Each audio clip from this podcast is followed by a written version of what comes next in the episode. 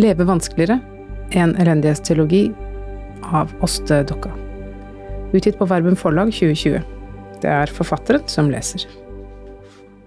Av kjærlighet til menneskeheten, av fortvilelse over min forlegne stilling, ved intet have utrettet, og ved intet kunne gjøre lettere enn det er gjort, av sann interesse for dem som gjør alt lett, fattet jeg da det som min oppgave.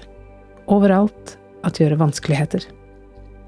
Søren Kirkegård i avsluttende uvitenskapelig efterskrift. Elendighetsteologi et forord. Forbedres og forsones. 2015 skulle bli året da jeg løp min første halvmaraton og leverte inn ph.d.-avhandlinga mi i teologi. Og jeg skulle endelig ta lappen i en alder av 35 år. Året åpnet godt. Jeg begynte å jogge forsiktig rundt påske. Siden jeg ikke hadde bedrevet sport på mange år og ville unngå skader, ville jeg gjøre alt rett. Jeg skaffet meg ergonomiske barfotsko og fulgte slavisk et program fra løpelabbet. Ut og løpe tre ganger i uka, stadig hardere og lenger. Jeg tok timer hos kjørelærer. Hver fredag ettermiddag hentet han meg på jobben, og vi kjørte to timer rundt i Oslo. Jeg ble sakte en bedre sjåfør. Og avhandlinga? Vel, den skred også fram. Min nye veileder hadde gitt meg to tomler opp og ren optimisme på de tekstene jeg hadde sendt ham.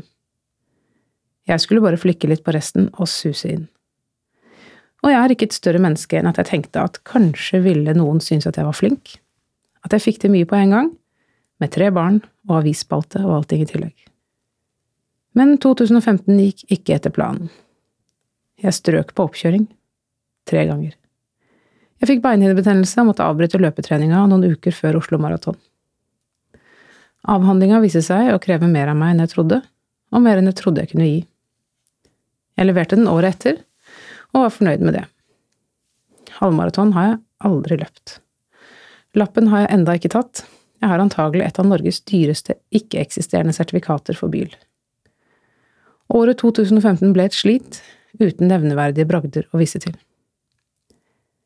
Jeg kan fortsatt kjenne at det søkker i meg når jeg tenker på sensors avmålte oppleksing til meg etter den første oppkjøringa. Like fullt er 2015-nederlagene mine ubetydelige. Skuffelsene gikk over. Men både målene mine og de mislykkede forsøkene på å nå dem er typiske, for meg og for mange andre mennesker. Vi setter oss mål og må gi tapt for dem. Vi ønsker oss perfeksjon, fullkommenhet på alle livets områder, et fint liv, klare svar, ryddig etikk, en god selvforståelse. Men akkurat idet vi tror vi skal til å gripe det vi begjærer, glipper det forsones, ikke forbedres. Drømmene våre er perfekte, men livet er vanskelig. Så mye er lagt til rette rundt oss, likevel må vi kjempe oss gjennom grå dager og tider med smerte og nederlag. Og ufortrødent forsøker vi å løfte, løfte oss og våre prestasjoner opp dit vi syns at de burde være. Vi jobber på. Hva skal vi si om det strevet? Og hvordan skal vi fortolke nederlagene våre, alt det herkete og ubehagelige som menneskelivet innebærer? Hvordan skal vi leve? Hva kan vi tro på? Hva skal vi tenke om oss selv? Finnes det noen nåde for oss? Jeg tror kristendommen har noen svar til oss. De svarene handler ikke om hvordan vi kan forbedre livet og nå drømmene våre, men om å forsone oss med hvordan det nå en gang er. Ikke forskjønne, men erkjenne. Det finnes en lang tradisjon for å snakke teologisk om det paradisiske, og en tilsvarende lang tradisjon for å snakke teologisk om lidelse og smerte. Til sammen utgjør disse tradisjonene et speil, der vi kan gjenkjenne vår egen sjangling mellom ideal og realitet. Uansett hva man tror på, står kristendommens fortellingsunivers klar til å speile livets bristfeldighet, fordi den selv er like kompleks og mangefasettert som det menneskelivet den snakker om og inn i. Denne kristendommen kan ikke fikse ting, Snarere enn herlighetsteologi, alt blir bra, handler denne boka om elendighetsteologi. Jeg tror at kristendommens styrke i møte med det komplekse og rotete ikke er løfter om gull og grønne skoger. Jeg tror heller det er et annet blikk, en fortolkning. Kristendommen kaster et bestemt lys over tilværelsen, og i det lyset kan vi få øye på noe vi ikke ser så lett i mørket. Å se og erkjenne er kanskje ikke veien til lykke, og denne boka søker ikke gi svar som er klare eller fullt ut tilfredsstillende. Heller vil jeg gi noen innspill til noen vanskelige løsninger på et vanskelig liv.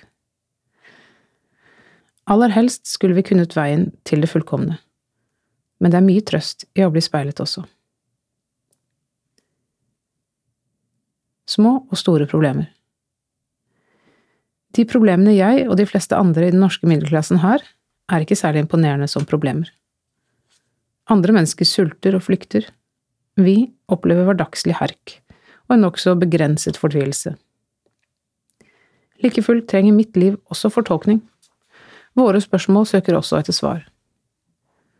Ethvert menneske har sin uro, sitt kors å bære. Ethvert liv skal dø. Ethvert liv trenger fortolkning, for uten fortolkning blir vi hjemløse i eget liv. At vi har det materielt sett godt, betyr ikke at vi ikke også trenger å tenke noen tanker en etasje høyere opp, kanskje snarere tvert imot. Jeg tror også at de små problemene i verden henger sammen med de store. De springer ut av samme grunnleggende brist i tilværelsen. Et av kristendommens mest mistenkeliggjorte begreper setter sitt ord på dette fenomenet – synd. Det er her det begynner. Fra første gang et paradis brast, til hver gang våre små og store verdener bryter sammen, er det det samme fenomenet.